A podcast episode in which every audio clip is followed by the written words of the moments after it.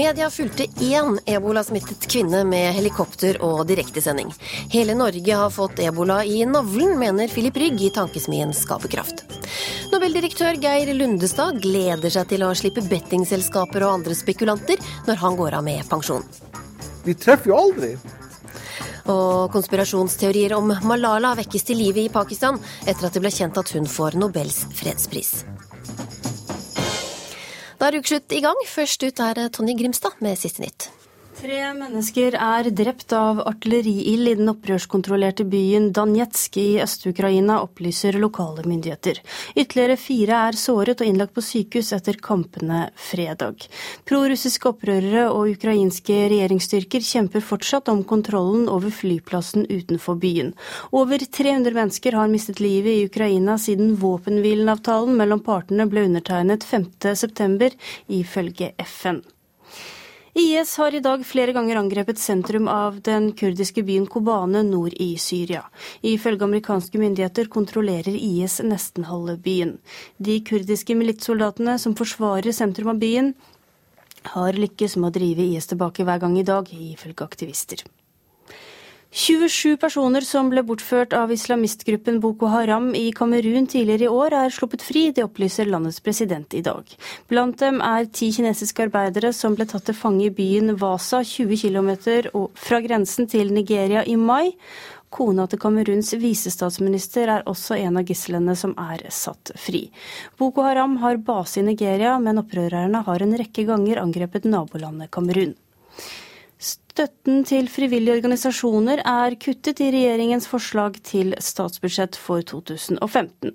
Særlig landbruksminister Sylvi Listhaug fra Frp har kuttet i støtten til frivillige organisasjoner, ifølge Dagsavisen. 4H Norge mister 405 000 kroner i støtte, mens Natur og Ungdom er blant dem som blir kuttet helt ut fra Listhaugs støtteliste. Hans Olav Syversen i Kristelig Folkeparti varsler omkamp i budsjettforhandlingene, og kaller kuttene smålige. Nå fortsetter ukeslutt. Og mens eh, stadig flere europeiske land mistenker at de har pasienter som er smittet av ebola, så er situasjonen virkelig alvorlig i Vest-Afrika. Ifølge WHO har nå over 4000 dødd av viruset, og 8, over 8000 er eh, smittet. Men norske hjelpearbeidere de trosser smittefrykten. Rundt 90 eh, har meldt seg for å hjelpe i de hardest rammede landene i Vest-Afrika. Og du er en av dem, Andreas Gustavsen. Du er anestesisykepleier og ambulansesjåfør og har nå pakka kofferten og skal reise ned for første gang i morgen til Sierra Leone. Hvorfor vil du det? I utgangspunktet så er det fordi eh, behovet er så stort og hjelpen er så begrenset at eh, jeg føler det er eh, det riktige å gjøre nå. Mm. Å reise med Røde Kors. Hva tror du blir annerledes der nede eh, sammenlignet med her hjemme når det gjelder pleie av pasienter og I første gang så er det eh, sikkerhetstenkningen, det å, å, jobbe med beskyttelsesutstyr til enhver tid, og, og, det å måtte trekke seg ut av pasientbehandling før man vel egentlig er ferdig eh, med pasientbehandlingen, hvis, hvis tiden i drakt Eh, som er en time, har gått ut. Eller er i ferd med å gå ut. Og det å måtte snu ryggen til eh, trengende pasienter, det er en helt annen måte å, å forholde seg til syke enn det jeg er vant til. Eh, både gjennom jobben på anestesiavdeling og, og, i ambulansen i Oslo. Hvordan har du forberedt deg på, på det? Gjennom Røde Kors så har jeg fått uh, trening, og vi har vært, uh, vært kurset i, i ebola uh, spesielt, håndtering av, av, av ebola-smittede. Og, og praktisk trening ved bruk av drakt og beskyttelsesutstyr. Men kan du forberede deg på det, det mentale, det som du snakket om å måtte vende ryggen til en pasient som trenger deg egentlig? For meg er det litt vanskelig å forberede meg på det. Altså, dette er en helt ny uh, situasjon. Jeg har prøvd å, å tenke hva slags uh, situasjoner jeg kan komme opp i. Uh, men mye, mye, må jeg nok ta uh, når jeg kommer ned. Uh, men jeg har brukt mye eh, tankevirksomhet og snakket mye med de nærmeste. Og, og gjort de forberedelsene jeg føler jeg kan her hjemmefra. Du har kona di og datteren din på fire år sittende på utsiden av, av studio her. Hva sier de? De støtter meg. De er stolte av valget, valget, som jeg har tatt. Eh, og vi tar det sammen. Vi har tatt det sammen, og vi, vi føler vi eh, ved å sende meg eh, bidrar alle sammen. Det er skremmende for de òg å, å, høre nyhetsmeldinger og, og, det å få norske smittede. Og, da blir det veldig nært. Men, men de har støtta meg gjennom hele prosessen, og vi er sammen, sammen om det. Mm. Nå har vi med oss eh, Afrikakorrespondent Sverre Tom eh, Radøy. Du kom eh, fram til Monrovia i Liberia sent i går kveld, et land som er veldig hardt rammet. Hva møtte deg der? Når du kommer ut av flyet, så er det første som møter deg en flybuss der ingen står og, og tør å ta i håndtakene som henger i taket. Det er tanker med kraner med med kloroppløsning som du vasker deg med før du kommer inn i ankomsthallen. Du blir skannet for feber før du slipper inn av folk med masker og, og, og hansker. Og så møter deg smilende ansikter og ønsker deg velkommen til Liberia før du kjører ut i natten og inn til byen. Når du møter folk her, så hilser du ikke. Du er ikke i kroppskontakt. De hilser med albue mot albue med, med lange ermer. Hvordan eh, preges eh, byen av det her? Eh, byen preges på den måten at skolen er stengt, universitetet er stengt, en del offentlige institusjoner er stengt. Men på Løkka spiller unge fotball, og i sjøen på Miami Beach, rett ved det hotellet de bor i, så bader unge og koser seg. Jeg kommer nettopp nå fra et fantastisk senter som heter Eh, JVK eh, Hospital. Og Der er det en lege som heter Mose, som har den største overlevningsprosenten i hele landet. Det er under 40 eh, som, som dør.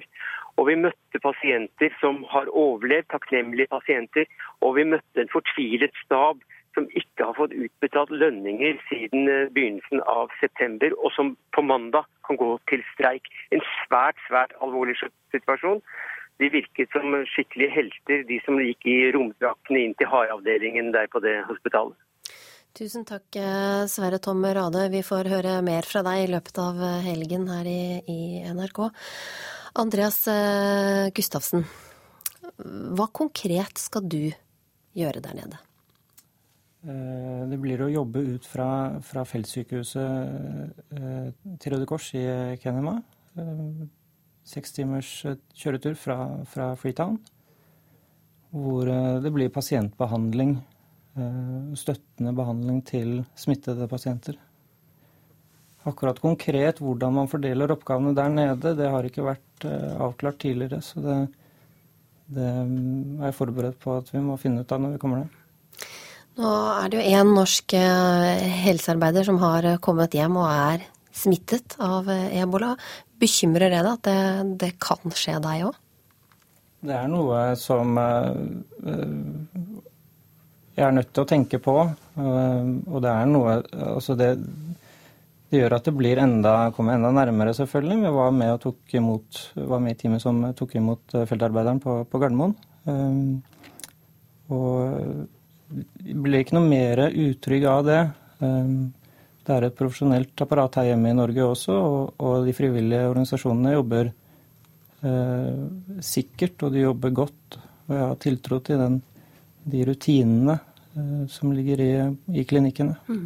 Ja, for hva, Du skal jo være etter planen borte noen uh, uker. Hva, hva, vil skje når du, når du, kommer hjem igjen? Jeg skal være ute i fem uker og, får en, eh, en uh, cool down-periode når jeg kommer tilbake. Og da skal jeg ikke være i i eh, vanlig jobb. Eh, jeg får tre uker hvor jeg kan eh, bearbeide det jeg har vært gjennom, og, og også da gå utover den inkubasjonstiden. Mm. Som, ja. Tusen takk skal du ha, Andreas Gustavsen, og lykke til. Takk skal du ha. Det skal fortsatt handle om ebola her i Ukeslutt. Og kvinnen ble altså fraktet eh, fra Gardermoen i eh, ambulanse til eh, Oslo universitetssykehus. Og som vi ser så var det altså politieskorte på veien. Hun ble lagt i en kuvøse under transporten, en spesiell smittevernkuvøse. Da den norske ebolasmittede kvinnen kom til eh, Norge tirsdag, dekket eh, media hendelsen nærmest minutt for minutt. Det var eh, direktesendinger fra flyplassen lenge før flyet landet, og ambulansen ble filmet med helikopter hele veien fram til Ullevål sykehus. Vi har fått ebola i navlen, mener du Filip Rygg, du er kommunikasjonssjef i tankesmien Skaperkraft. Hva var det du reagerte på? Dette er jo en forferdelig situasjon. Vest-Afrika er rammet av en krise. Eh, og det har eh, selvfølgelig vært skrevet om ebola før eh, den norske hjelpearbeideren kom til Norge. Men jeg tok fullstendig av med livedekning minutt for minutt. Og det var først når en av våre egne var smittet, hun landet på Gardermoen, at Norge sto stille. Mens krisen har pågått ganske lenge. Nå er vi oppe i 4000 døde. Det kan gå fra en epidemi til en pandemi. Og det var også mange advarsler lenge før sommeren om at hvis man ikke gjør noe, så blir det en epidemi. Jeg synes det det er litt sånn trist i ettertid å se eh, den situasjonen. Og så er det selvfølgelig det er en kritikk i det, men det er også en kritikk til oss alle. Altså, Hva er det som gjør at vi stopper opp? Hvorfor er det så lett å glemme det som skjer i Afrika, langt borte fra oss? Silje Hovland, du er redaksjonssjef i TV 2 Nyhetskanalen. En av eh, mange som eh, sendte direkte på, på tirsdag. Hvorfor var det nødvendig å, å være til stede der? Altså, Det er jo ikke sånn at uh, ebola-saken um, at det er en sak som Nyhetskanalen ikke har dekket tidligere. Dette har vært en stor og viktig sak for oss i mange måneder nå, helt siden smitten ble oppdaget i, i Vest-Afrika. Så, så, jeg føler ikke at kritikken treffer meg så veldig i forhold til at, at, vi har ignorert saken, for det har vi jo ikke på langt nær. Det har vært en stor sak for oss lenge. Og Hvorfor var det viktig å, å, følge denne ambulansen ja, denne med helikopter? Dramatiske saken, eh, dramatiske hendelsen, en viktig, stor uh, nyhetssak. Da kommer hjem til Norge, får en Eh, en, en, en, norsk eh, kvinne som da er smittet, så gjør vi en vurdering av at dette har stor nyhetsverdi for oss. Og um, Nyhetskanalen med en TV-kanal, og det handler om å vise bilder. Og derfor så gjorde vi det. Hva er nyhetsverdien i det? Hva er nyhetsverdien i det? Ja. Nei, altså Du må jo sette denne kvinnen sin smitte i, i sammenheng med eh, det som pågår i Afrika nå, eh, av dette utbruddet. Um, og, og hørte jo nettopp at dette er jo en stor, stor sak av internasjonal nyhetsverdi. Så ja, det er svaret på det. Mm. Nei, altså, det er jo selvfølgelig et godt spørsmål, fordi at uh, en liksom forutsetning for at du skal ha livedekning, er at det skjer noe. Uh, og Her skjedde det strengt tatt ingenting. Uh, men det som skjer, er jo at smitten sprer seg, at det er en dramatisk situasjon. og Hvis du liksom ser litt på mediedekning Jeg tok et mediesøk i Retriever før jeg kom hit, på Petter Northug versus ebola. Det er klart at Bare i år da, så har man skrevet dobbelt så mange artikler om Petter Northug som har skrevet om en av de verste katastrofene vi ser akkurat nå. Eh, og, jeg kunne gått måned for måned og vise veldig ekstreme utslag. og Nå er ikke det poenget, og det er selvfølgelig også helt legitimt å dekke nære ting, skulle bare mangle. Eh, det, det, som er det triste, er jo hvis man ikke klarer å stille de riktige spørsmålene. Hvorfor eh, var ikke temaet ebola et sentralt emne når man dekket statsbudsjettet, f.eks.? Altså hvorfor blir det ikke stilt kritiske spørsmål til norske politikere mye tidligere? Når helsepersonell, eksperter i hele verden skriker ut nå må dere gjøre noe. Eh, vi stopper opp, vi står stille når det er en norsk kvinne som ankommer Gardermoen. Eh, og det er et paradoks. Men er det ikke også viktig da, å vise hvordan Norge klarer å håndtere det her? Det er selvfølgelig interessant eh, å se at vi har et godt apparat, og det har vært dekket noe enormt. Men det hadde vært enda mer relevant å dekke det manglende apparatet andre steder. Og så er det som, som deputanten sier, at selvfølgelig har TV 2 og andre Eh, hatt innslag tidligere. Eh, og det har vært kanskje bedre denne gangen på en del andre saker.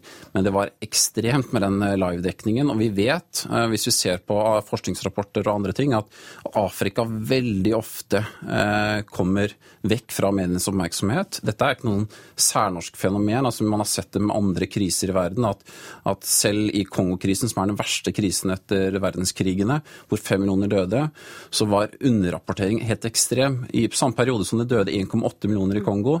Og det døde, jo, men det er et viktig poeng, og det døde 2000 i Midtøsten, så var nyhetsdekningen 53 ganger større på Midtøsten. Og jeg tror at Hvis vi ser denne ebola-saken med de ekstreme utslag vi fikk når det kom en norsk kvinne til Gardermoen med smitte, ja, det er flott at det dekkes, eh, men vi er nødt til å være litt selverkjennende på at hvilken jobb gjorde vi som nyhetsformidlere, som nasjon, jeg som enkeltmenn, hvilket engasjement hadde vi? Har vi stilt politikerne til veggs eh, i disse spørsmålene? Det tviler jeg på. Den gravende journalistikken, det går på sykehusene. Silje Hovland, har dere stilt politikerne til, til veggs? Ja, men jeg tenker at Når du sier dekningen var ekstrem, så er jo ikke jeg enig i det. Um, og Jeg ser også at det har kommet liksom kritikk mot at media sprer frykt. Jeg er ikke enig i det heller. Jeg tenker at dette her, det er en Vi må, for, må forstå at der ute i befolkningen, når det kommer en, en, eh, norsk kvinne som har gjort en fantastisk innsats der ute hjem til Norge og har fått denne smitten, så er det et stort, stort informasjonsbehov der ute.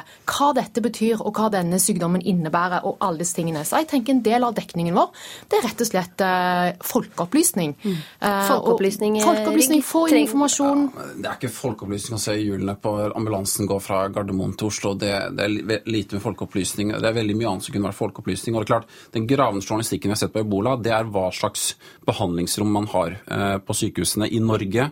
Ikke eh, noen graving knyttet til politiske prosesser eller hva politikerne har gjort med dette her. Eh, og Det er jo den gravejournalistikken jeg skulle ønske. og det er klart at Når man nå kritiserer kutt i pressestøtten, så sier man at det vi trenger, det er midler til å kunne drive med gravende journalistikk, undersøkende journalistikk. Det vi ender opp med med full pressestøtte, mm. det er det motsatte. Det er nemlig at man dekker sensasjoner eh, i Norge. Mm. Hovland, kort eh, til slutt. Folk så på dette, gjorde de ikke? Ja, de gjorde jo faktisk det. Eh, og det understreker jo bare mitt poeng, at dette har folk var veldig interessert i. Og mm. Nyhetskanalen hadde denne dagen Ja, vi mangedobla jo seerantallet vårt på formiddagen. Vi gjorde det. Mm. Tusen takk skal dere ha, Filip Rygg og Silje Hovland, for at dere kom hit til Ukeslutt. The Norwegian Nobel Committee has decided that the Nobel Peace Prize for 2014 is to be awarded to Kailash Satyarthi and Malala Yousafzai for their struggle against suppression of young people and children and children's right to education. Årets eh, Nobels fredspris ble altså delt mellom eh, inderen Kailash Satyarthi og 17 år gamle Malala Yousafzai fra Pakistan. Og under pressekonferansen fra Birmingham i går takket Malala faren for at han har gitt henne frihet. So I'm thankful to my father for not clipping my wings, for, for letting me to fly and achieve my goals, for showing to the world that a girl is not supposed to be the, the slave a girl has the power to go forward in her life.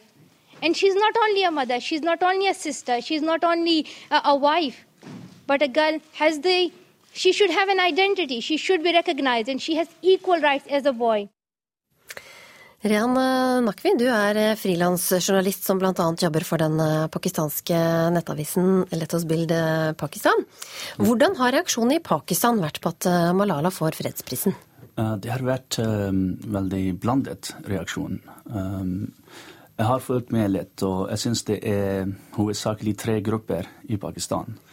For det første har vi en gruppe som er veldig glad. Um, de bryr ikke så mye om egentlig hva Malala har uh, har hun oppnådd veldig mye eller ikke, men de er veldig glad fordi en pakistansk jente som har jobba for jenters utdanning, har fått uh, prisen, og de er veldig glad for det og veldig stolt. Uh, for å være pakistaner. Og den andre gruppen er litt kritiske. Uh, de uh, tror at Malala har gjort en bra jobb, men kanskje ikke så mye. Også de Eh, det er mange som tror at hun har et såpass godt liv i England, og hun bor i England, men mange jenter og barn lider og bor i elendighet i Pakistan, og det er mye mer som skal gjøres før hun skal uh, fortjene prisen. Uh, og så Det er en tredje gruppe også, uh, som tror på konspirasjonsteorier. og det er også veldig høyutdanna folk, fordi de kan også ta imot disse konspirasjonsteorier fra engelske websider og sånt. Hva går de ut på?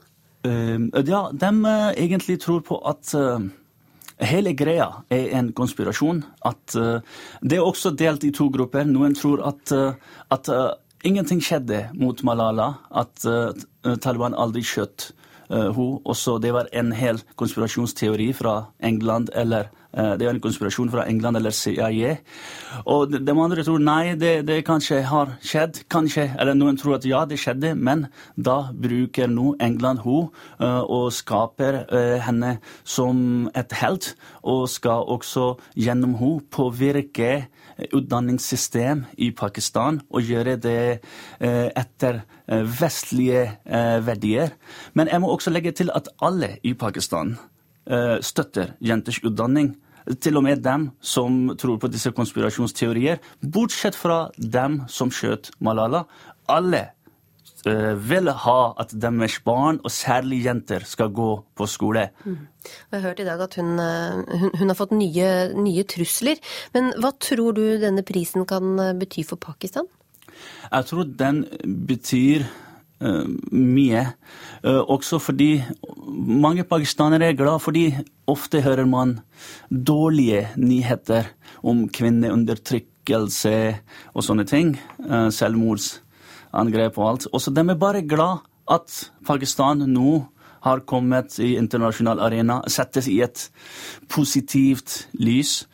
Og uh, jeg tror myndigheter og regjering og hele samfunnet nå skal, til og med dem som er kritiske mot Malala, skal gjøre mer for jenters utdanning. Mm. Vi har også med oss Aisha Wolasmal. Du studerer i India og er eh, fagrådgiver i tankesmien Agenda. Nå har vi deg altså med fra India. Hva slags reaksjoner har eh, kommet der på at Kailash Satyarthi får fredsprisen? Eh, jeg tror uh, veldig mange yngre er uh, veldig glad for at prisen i år gikk til en ynder.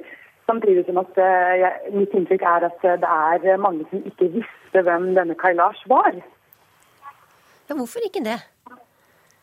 Nei, altså, Han har jo jobbet litt bak kulissene, og India er jo et stort land med, et, med veldig mange aktører som jobber innenfor utvikling, barnerettigheter og utdanning.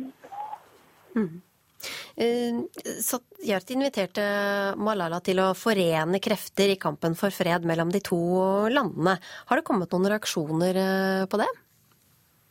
Eh, jeg tror at Nobelkomiteen er veldig ambisiøs og litt urealistisk når de tror at en fredspris til to, to, altså to fra regionen vil føre nasjonene nærmere. Altså, rett og slett fordi at eh, Rett etter at eh, fredsprisen ble eh, utdelt i går, så har den militære situasjonen eskalert ved grensen.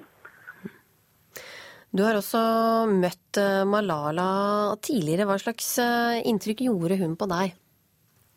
Jeg ble jo like rørt og sjokkert og overrasket som det alle som har møtt henne har. Hun har noe veldig mirakuløst over seg. Altså,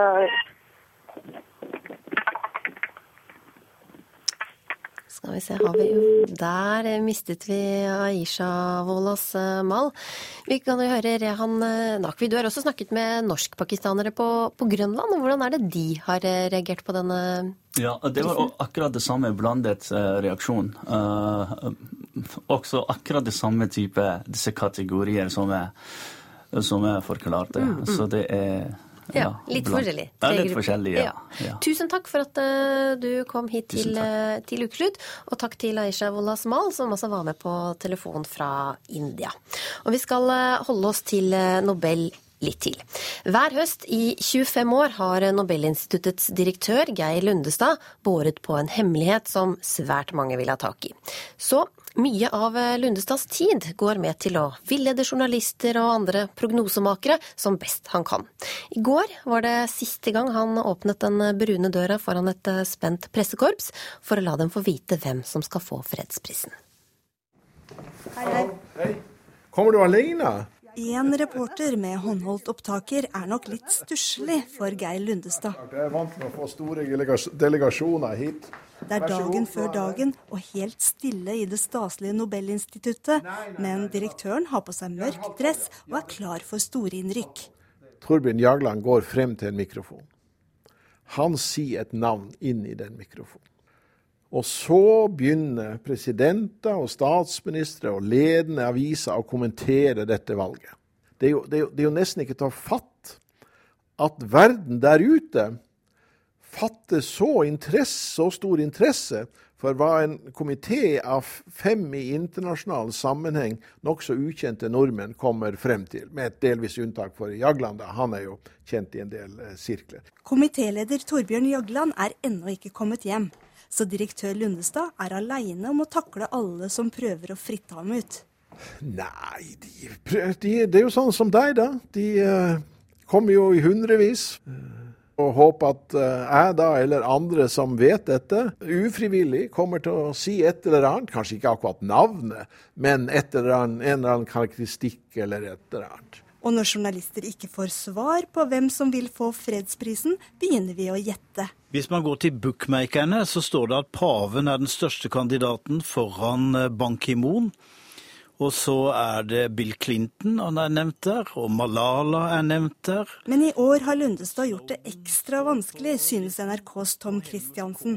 Selv kroppsspråket til Geir Lundestad, sekretæren, er umulig å tolke i år. Han ler like høyt og hysterisk uansett hvilket navn du nevner, så jeg stoler ikke på noen ting. De er jo nesten aldri i nærheten av noe som helst. Det her er jo fremtredende personer i Norge som liksom Det viktigste de gjør i forhold til utlandet, det er å spekulere om hvem som får fredsprisen. Legg merke til hva som skjer når de, Lundestad blir engasjert. De treffer jo aldri. Han høres ut som en EKG-maskin hver gang han åpner kjeften. Bodøværingens tonefall etter 30 år i Oslo var tema i TV-programmet Dialektriket. Som en aksjekurs som går på en måte hit og dit og ordner. Han høres ut som en måse. Ah, kapea, kapea. Knoting er uunngåelig hvis du har bodd eh, lenge på et annet sted enn ditt hjemsted. It is a prerequisite for peaceful global development. Nobeldirektør Lundestad får også svi for andres knoting. Jo da, visst. Det, er klart det sitter mange engelsklærere rundt om i det ganske land. Uh, og de sender brev uh, til meg da, og gir uttrykk for at uh, nei, denne prestasjonen var ikke så strålende og sånt. Torbjørn Jangland har jo ikke det ringeste problem med å bli forstått. All kritikk preller av Lundestad, som vann på ei pekingand. Nobelkomiteen er veldig stolt av prisen til Leo Xiaobo. Jeg er helt sikker på at det kommer til å bli et høydepunkt i eh, komiteens uh, historie. Da.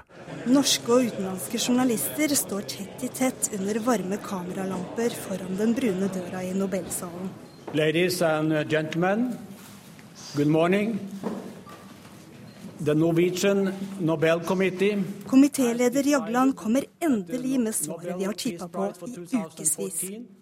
Is to be awarded to Kailash Satyarthi and Malala Yousafzai for their struggle. Hei, du. Hei igjen. Hei, hei, hei. Uh, du sa de som gjetta, aldri har rett? Ja, de fikk jo ikke rett, da.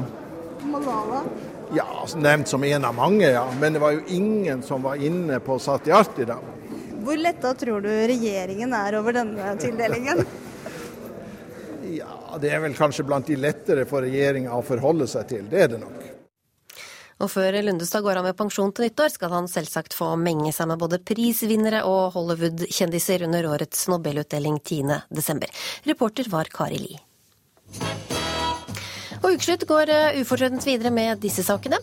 Foreldre må overvåke barna på sosiale medier, mener politiet, som er sjokkert over ungdomsfylla på Oslos vestkant.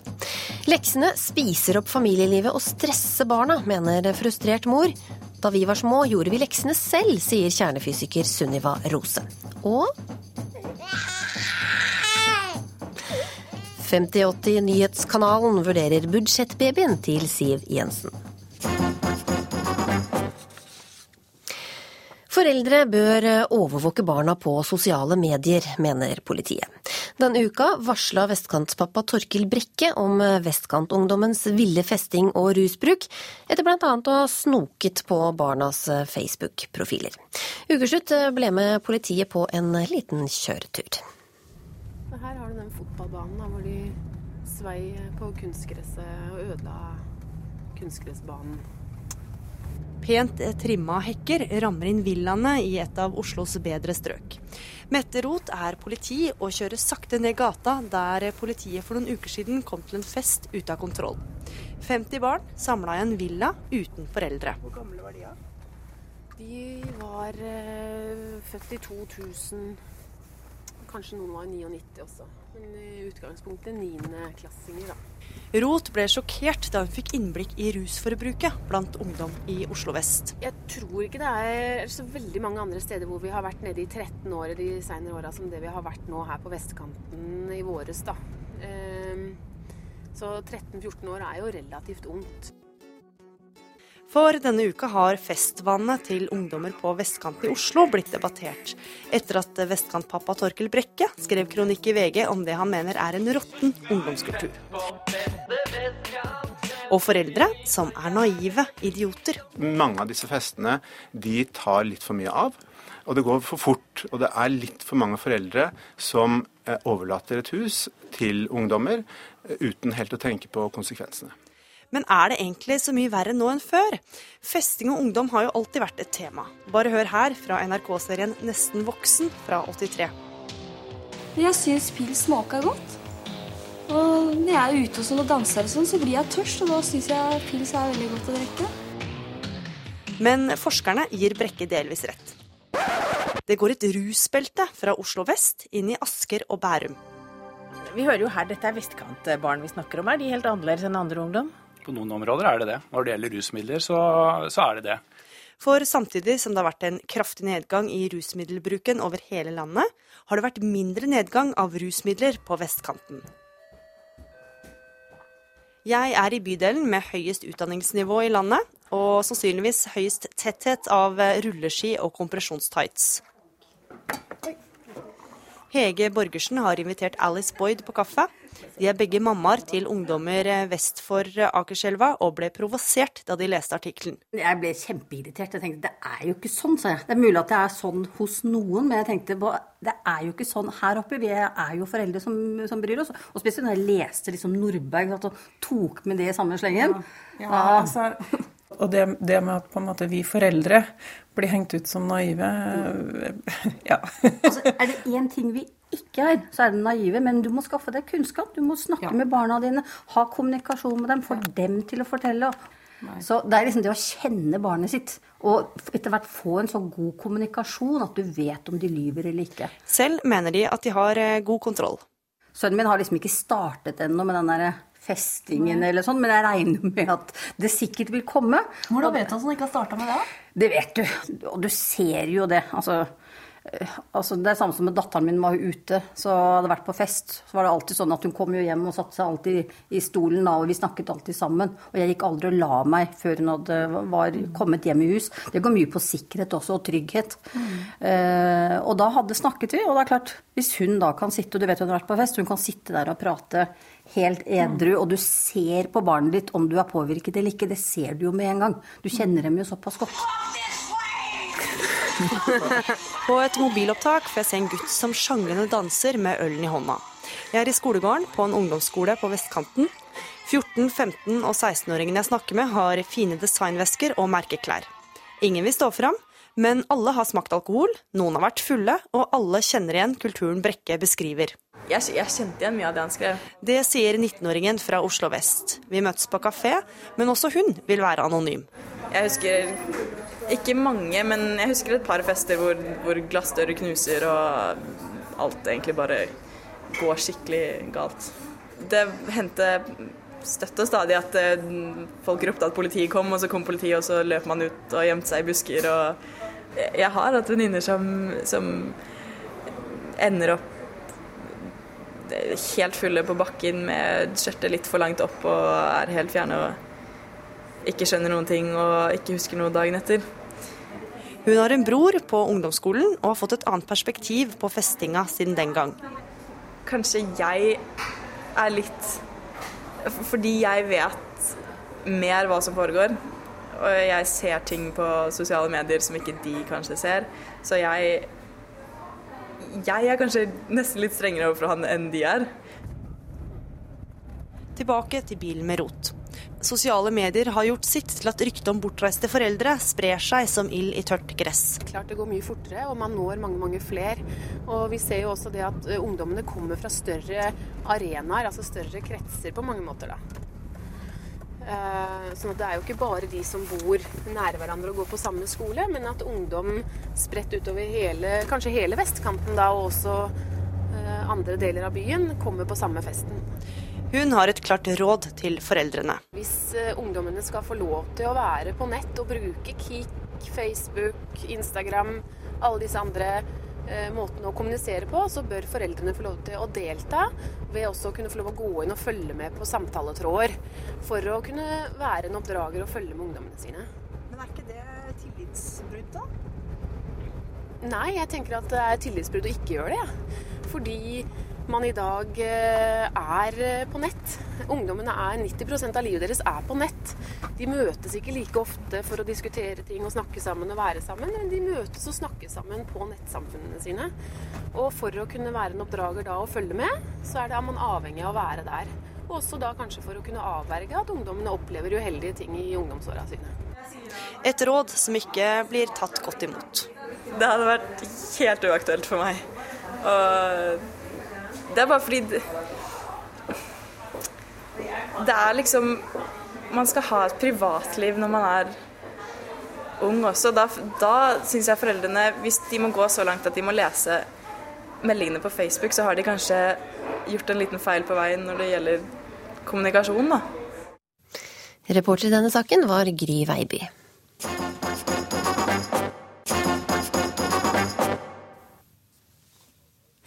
Jeg er eh, skjerpet og spent, selvfølgelig er jeg det. Jeg har tullet litt med det, sagt jeg føler at jeg har gått høygravid nå i veldig mange uker. Og i dag er tiden for forløsning. Ja.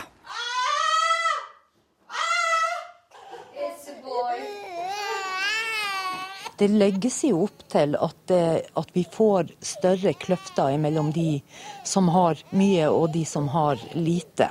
For det første så tar LO-lederen feil. Det blir ikke økte forskjeller i Norge med dette budsjettet. Er det slike dere skal bygge mer av? Ja, det er denne typen moduler vi skal bygge flere av nå. Nå er vi nødt til å øke kapasiteten på lukka plasser. Jeg mener at dette eh, budsjettet satser feil. Miljøverndepartementet er jo den store taperen i dette budsjettet. Eh, jeg mener at eh, vi her har fremlagt et eh, godt klima- og miljøbudsjett, hvor vi er inne med gode klimatiltak på mange andre departementer enn mitt eget departement. Litt mer skatte- og avgiftslettelse, men det er uendelig mye bedre enn det den rød-grønne regjeringen stilte opp med. Det er stygt å se på. Finansministeren sier at hun har gått svanger med dette statsbudsjettet i ni måneder. Vel, president, det viser seg å være et statsbudsjett som bare en mor kan elske. Vi hørte Snorre Valens hilsen til Siv Jensens baby til slutt. Sturlevik Pedersen og Markus Gaupås Johansen, dere er kjent fra 5080 Nyhetskanalen på nrk.no. Hva vil vi helst vite om dette barnet? Det vi lurer på, er litt eh, hvem som er faren. Mm, For det ligner jo ikke så mye på Siv Jensen, egentlig. Nei, det er ikke så ekspensivt, dette. Det, det, kunne jo nesten vært Støre eller Stoltenberg som er pappaen. Mm, ja, for det er lite på miljø, rett og slett. Mm. Følger handlingsregelen. Mm, og det er fortsatt streng asylpolitikk. Mm. Så det, det, er egentlig det vi lurer på. Hvem er egentlig pappaen her? Mm. Men hvem har eh, mest grunn til å glede seg over dette barnet? Vinnerne det er jo det er trykkeriet kanskje som trykket opp det der statsbudsjettet. Ja, ja, ja. 10,5 kilo er ganske mye. Det, jeg tror ikke det er så ofte at de får så store oppdrag noen dager. Nei, nei, nei. Jeg tror, jeg tror, de har jublet veldig. Uh, men også uh, Hvem andre er det? De trygdede? Ja, de trygdede. De får jo mindre inntekt. Sånn at de får en vei over til å få mer penger. De får et lite spark bak, mm. så de kan motiveres til å arve mer, kanskje. Det er en retning de kan gå. Eh, men også selvfølgelig de rike, eh, som finansierte valgkampen til Frp. Mm, ja, selv om du trekker fra pengene som Thon brukte på valgkampen i Frp, så etter mine beregninger så går han i pluss. Ja, Etter det vi i 58-nyhetskanalen har regnet ut. Ja. Jeg tror han fikk var det 24,6 milliarder. Ja. ikke milliarder, kan det være. 24,5 millioner han fikk igjen. Han får i skattelette. Så jeg tror han er veldig fornøyd. Da kan han kjøpe seg en ny lue, blant annet. Ja. Flere som har grunn til å, til å si seg fornøyde? Ja, altså de som eier campingvogn, de ja. sparer jo eh, 1100 kroner i året. Mm, Årsavgiften ble satt til null. Fra 1100 til null. Mer mm. penger til grilldress? Mer penger til grilldress, mer penger til et ekstra nytt hvittgjerde rundt eh, campingvognen. Eh, Kanskje de får råd til å bolte fast campingvogn tilbake, sånn at det blir en eh, permanent hytte, da. Ja, og Det tror jeg også er forsøket fra Frp på å vise at de virkelig gir til folk flest. Så har de hatt en brainstorming, og hva er det folk flest er opptatt av? Vi vet ikke. Eh, kanskje campingvogner? Ja, det, Jeg tror det avslører litt av fordommene til Frp mot folk flest. De tenker folk flest det må være campingvogner. Det er sånn litt sånn klisjé folk flest. Folk flest er sur på lisensen, og så liker de campingvogner. Ikke bare gå for campingvogner. Men synger folk flest i kor òg, eller? Ifølge Frp, deres, ifølge deres fordommer sier de vel det, da. Mm. Og folk flest har vel katter, da? Ja. Ja, det har de kanskje. Det har de kanskje. Eller, har de, eller er det flere som har hunder? Eller de... Vi må nesten spørre Frp her. Mm. Hvem som har flest. Nei, men de har vel folk flest har katter som er syke. Det har de vel. Det er vel det de har gitt penger til. Veterinærer. Eh. Så da er det syke katter og campingvogner. Mm. Hvem er det som må stå for eh, våkenettene her, da? Hvem er det som Kan vi bare ta taperne først? Mm. For taperne, det er jo taperne. Mm, det... det er de som tjener lite, og de som kommer fra taperland, og hvor de ikke har like mye penger som i Norge. Ja, de som er på flukt. Mm. De er taperne. Eh, Men kanskje ikke de som flykter fra ebola. De blir kanskje vinnere. Men de som flykter fra en kjedelig ting som diktatur og sånne ting, de vil nok være taperne. Så de som er tapere fra før i utgangspunktet i livet, de blir taperne. De blir taperne. Mm. Men eh, hvem er det som må ta våkenettene her, da? Ja, hvem blir det? Er det de steforeldrene KrF og Venstre? Ja, jeg tror det er steforeldrene. Uh, ja, så Det spørs om de gidder å stå opp om netten. Altså, det jeg vet, altså, de kommer, det kommer til å bli en annen type oppdragelse som de kommer til å stå for. da. mm, Eh, andre verdier. Kanskje motsatte verdier av det som Høyre og, og Frp står for, sånn at de på en måte nuller ut hverandres verdier. Mm, det nulles ut, rett og slett. Eh, Skjønte du det? Hva blir vi stående igjen med da? Ingenting? Som vanlig, egentlig. Det kommer til å bli litt av det ene og litt av det andre. Mm. Men kommer dette, her til å få, kommer dette barnet til å få noe velsignelse i Stortinget, tror vi? Eh, Det kommer nok ikke til å få velsignelse fra bestefar Carl I. Hagen. Det tror jeg ikke. Jeg tror han kommer til å stå utenfor akkurat eh, når det døpes. Mm. Fordi han helst skulle ønsket at det ble døpt Døpt hjemme hos han og Eli. En sånn hjemmedøpt døpsel. Men, eh, Dåp, takk. men han er ikke på Stortinget, da. Nei, nei, nei. Men, men om det kommer til å bli velsignet Hvis man gjør store forandringer på barnet, som man eh, kan gjøre nå med dagens teknologi, så tror jeg at det er gode sjanser for det. Mm, men om Siv vil kjenne igjen sitt eget barn etter det, det vet man ikke. Har du gjort eh, lekser med barna denne uka?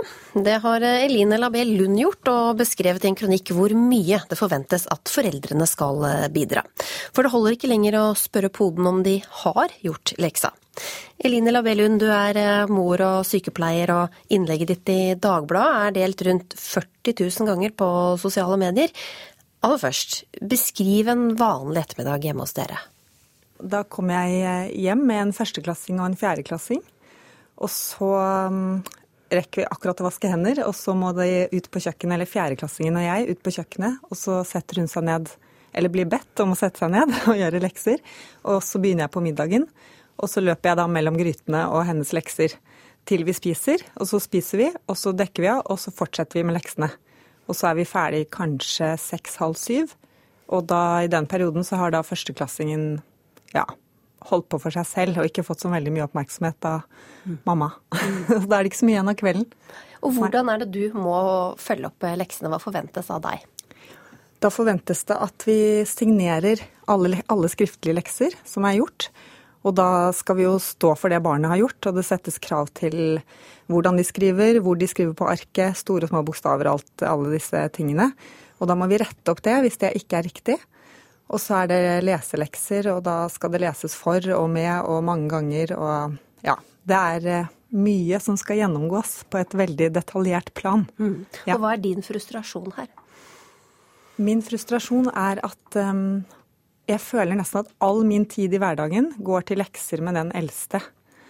Og vi har, ikke noe, vi har ikke noe tid til å ha et vanlig familieliv. Det er mas og mas og mas. Og det er, blir veldig negativt. Hun kan ofte gråte fordi jeg ber henne om å viske ut ting som er feil, fordi hun har fått beskjed på leksehjelpen at det er greit nok. Og så blir jeg den store, stygge ulven som eh, ja, straffer henne da, med noe hun egentlig trodde var fint. For skolen har fortalt deg også hva Ja, skolen har fortalt meg og gitt eh, alle foreldrene nøye innføring i pedagogiske metoder og diverse som vi skal ta i bruk. Ja. Henrik Asheim, du er utdanningspolitisk talsmann for eh, Høyre. Skal det være sånn? Jeg syns det høres eh, voldsomt ut. Altså, Den historien som kommer her, høres voldsom ut. Men jeg mener at det er veldig bra at man har en skole som både informerer foreldrene om hva barna skal lære, og som følger opp at foreldrene følger opp sine barn. Fordi vi vet at det aller viktigste er lærerne i klasserommet. Og det nest viktigste det er hva som skjer når du kommer hjem. Og sånn som I Oslo-skolen så vet vi at en del barn kommer hjem til foreldre som kanskje ikke kan norsk like godt som barna selv kan. Vi vet at veldig mange kommer hjem til tomme hus fordi noen jobber skift. Og da er det så utrolig viktig at de får den oppfølgingen hjemme når de skal gjøre lekser, for lekser er viktig. Men så må jeg bare si at det går an å gi dårlige og gode lekser. Det går an å gi lekser som eh, du lærer noe av å gjøre hjemme, og som du får bruk for når du kommer på skolen dagen etter. Og så går det an å gi lekser som er det man kan kalle kanskje dårlige lekser, altså bare repetisjon av ting du har gjort på skolen. Men her er altså denne saken delt 40 000 ganger. Vi vil tro det er en del gjenkjennelse her blant, eh, blant eh, foreldre. Så hva er galt? Nei, altså Hvis foreldrene opplever at uh, altså jeg tror Noe av det som jeg reagerte på når jeg leste kronikken, var egentlig at barna kommer hjem fra leksehjelp, og så er det feil det de har gjort. Og så må man da uh, viske ut leksene de har gjort, og gjøre det en gang til. Det er helt håpløst. Men noe av grunnen til at man har innført leksehjelp i utgangspunktet, er jo nettopp fordi vi vet at en del barn ikke får den oppfølgingen hjemme som disse barna er så heldige å få. da. Uh, og så er det sånn at Vi har fjernet øremerkingen, for før så var det kun første til fjerde klasse. Nå flytter vi det sånn at kommunen eller skolen selv kan sette inn når de vil. For det finnes jo ganske mange elever som får lekser på ungdomsskolen som foreldre faktisk ikke kan hjelpe til med, fordi det er ganske vanskelig. Og da er det eh, bra at de får den oppfølgingen. Um, Sunniva Rose, du er doktorgradsstipendiat i kjernefysikk ved Universitetet i Oslo. Og du mener barn bør ha hjemmelekser. Hvorfor det? Jeg mener man bør ha lekser, ja. Men den, jeg leste også denne kronikken eh, for noen dager siden og blir jo ganske sjokkert over det som blir beskrevet der. Jeg tenker at en av de viktige tingene med lekser faktisk er at barna skal lære seg å jobbe selv. Sånn at hvis det virkelig er sånn at leksene blir gitt slik at eh, foreldren må fungere som en, på en måte lærer nummer to, da vil jeg si at det er en dårlig lekse. For da, det vil også være med på å øke skillene, for da har du veldig mye å si hva slags utdanningsnivå har mor eller far, og, og den type ting. Men du har endt opp som eh, kjernefysiker. Hvilken erfaring har du sjøl med lekser? Lekser var noe jeg gjorde selv. Jeg var, er oppdratt til å på en måte jobbe hardt og jobbe selvstendig. Det er ikke noen av mine foreldre som sto på en måte og så over skulderen min på det jeg gjorde. Det var typisk sånn Har du gjort leksene? Det var det første jeg skulle gjøre da jeg kom hjem fra skolen. Eh, og det var liksom Ja. Kan Og, og, og det var det. Eline Labé Lund, du kunne ikke overlatt mer til barna, da? Jo, men da kan jeg ikke signere det, føler jeg. og så er det mye Og jeg vil bare si det er liksom viktig å poengtere at jeg er også for lekser. Mm. Jeg er for alltid lærer, og at de ikke skal gå, gå noen skritt tilbake, og at barn skal lære mindre. Det er veldig veldig bra. Jeg tror de har mye mer lekser og mer kunnskap nå enn vi hadde da vi gikk i fjerde klasse. Det, ja.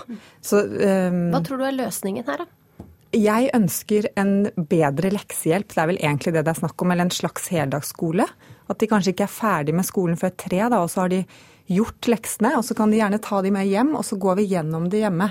Fordi foreldre skal jo følge opp. Vi skal vite hvor barna er, hva de sliter med og hva de ikke sliter med. Men det er eh, Vi har 24 timer i døgnet, mm. og det, ikke, det strekker ikke til. Ja, altså, hvorfor, kan ikke, hvorfor kan ikke barna på en måte være ferdig med skolen når de, når de kommer hjem fra SFO? Altså det, jeg tror at lekser har en egenverdi, og det er litt som Rosa sier også. Det å lære seg å jobbe hjemme, det å jobbe selvstendig med noe, det er veldig viktig. Men så er det sånn at det gjøres ganske mye spennende å være på Nordahl Grieg videregående skole i Bergen. Det er en videregående skole, men allikevel. Der har man begynt med noe som man kaller for omvendte lekser. Altså Når du kommer hjem, så får du YouTube-filmer hvor læreren viser regnestykket, regner for deg, og du regner sammen med læreren. Og så kommer du på skolen dagen etter, og så gjennomgår man dette på nytt. altså Der gjør man på en måte det som man gjorde som lekser før. Og det lærer elevene veldig godt av. Sånn at det er fullt mulig å gjøre dette på en smartere måte, men her har jo også lærerne metodefrihet. Jeg tror det er veldig farlig hvis jeg som politiker skal sitte og mene hvordan leksene skal se ut i Norge. Det må pedagogene som jobber i skolen få lov til å bestemme. Og det er veldig, Jeg kjenner også godt til det som du kaller for ja, omvendte lekser. Det er veldig bra. Eh, men det er morsomt at du kaller det omvendte lekser, for det sier noe om vårt bilde på hva er lekser. Lekser skal være altså jeg mener, jeg kaller det hjemmearbeid. da. For det er det jeg mener er viktig, nettopp det der å lære seg å jobbe med noe selvstendig alene hjemme. Om det da er at du skal lese en tekst eller se en YouTube-video på en måte og følge med på det å være forberedt til dagen etter. For det er det jeg tror er virkelig, virkelig viktig. Og det er ganske mange jobber i samfunnet som ikke er sånn at du er ferdig på, en måte, på jobb når klokken er fire. Um, Men Asheim, hvis man først har et leksehjelptilbud på SFO, hvorfor kan man ikke like godt ha pedagogisk personale der som tar seg av leksebiten? Det er de tingene som vi har eh, sagt også klart ifra. Altså, det er et kjempestort problem at man brukte ganske mye penger på å si det skulle være leksehjelp første til fjerde klasse, de minste barna, og den kunne være ufaglært. Eh, og det vi har sagt nå er at altså, Det er jo kommunene som har ansvaret for dette, men vi mener at det er veldig viktig å få på plass pedagoger til dette. Ja, kan dere ikke bare bestemme det, da? Altså, vi kan jo selvfølgelig det, men det er klart, vi har jo ikke, det renner jo ikke over av lærere. Vi har ikke for mange lærere, og du må jo være utdannet lærer da, hvis du skal kunne ha den leksehjelpen. Og de også har sin arbeidstid og skal jo også hjem til sine barn. sånn at uh, dette må man få til bedre. Men jeg er helt enig, noe av det viktigste er å få opp kvaliteten på leksehjelpen. Ja, Det var det i forhold til at vi også tar med oss jobb hjem. Og da, Jeg er jo på en måte enig i at de skal venne seg til det type samfunnet, men de er jo barn. De er seks, syv, åtte, ni år gamle. Og det er for mye av hverdagen som er stresspreget. Og det er det jeg vil, vil ha bort. Er, øh, og vi kommer så slitne hjem. Alle vi kommer hjem fra jobb, og de kommer hjem fra skole, og så er klokken halv fem. Hvor mye har de nytte av det presset de får hjemme da? Tusen takk, Eline Labell Lund, Sunniva Rose og Henrik Asheim. Og da er det tid for et eh, værvarsel, Bente Wahl. Det er det, og vi får ta det viktigste først. Og det er at vi har tordenbyger på Vestlandet, Sørlandet og Telemark. Og i kveld så drar disse tordenbygene seg også opp til sørlige deler av Østlandet. Så går vi litt mer i detaljer. Temperaturutsiktene. Det blir uendret eller litt lavere temperatur fram til i morgen. Fjell i Sør-Norge, her blir det rolige vindforhold. I kveld får vi noen byger i Langfjella. Flest i øst. I natt også da lenger nordover med snøbyger i høyfjellet. Og utpå dagen i morgen igjen oppholdsvær i Langfjella. Østafjells rolige vindforhold, men av og til sørlig frisk bris på kysten.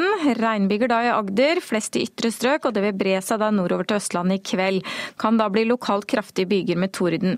Søndag ettermiddag stort sett opphold igjen i Agder, og mot kvelden også lettere i Telemark og sørlige og vestlige deler av Østlandet. Vestlandet sør for Stad. Eh, sørlig bris med frisk bris på kysten. I dag kan det bli en liten kuling nord for Feie. Søndag dreier vinden litt vestlig. Ellers skiftende skydekke og regnbyger, og i dag utrygt for torden. Møre og Romsdal og Trøndelag sørøst bris. Litt regn nord for Trondheimsfjorden eh, nå, og noen spredte byger på Sunnmøre. Ellers mye oppholdsvær. Søndag blir det opphold og litt sol, men utpå dagen så kommer det igjen inn enkelte regnbyger. Nordland og Troms eh, skiftende bris, fra i kveld nordøstlig. Først på søndag kan det være frisk bris i Lofoten og Vesterålen. Stort sett pent vær, men eh, litt mer skyer på Helgeland og i grensetraktene. Finnmark får også rolige vindforhold, men stedvis vestlig frisk bris på kysten. Stort sett opphold. Noe lokal tåke i Øst-Finnmark og på vidda i dag. Søndag blir det noen sludd- eller snøbyger på kysten. Nordensjøland på Spitsbergen. Nordvestlig frisk bris utsatte steder, og den minker i morgen ettermiddag. Og fra i kveld så kommer det inn enkelte snøbyger. Det var værmeldingen fra Meteorologisk institutt. Og gikk du glipp av noe av Ukeslutt i dag, så kan du jo laste ned podkasten som snart blir eh, lagt ut, eller du kan høre reprisen på Alltid nyheter eh, klokka 16. Og ellers så kan du jo sjekke ut eh, Facebook på diverse sosiale medier også. Vi som har gitt deg ut Ukeslutt denne lørdagen, er produsent Elisabeth Onsum, tekniker Hans Ole Hummelvold, skript Lars Christian Rød og jeg, Linn Beate Gabrielsen.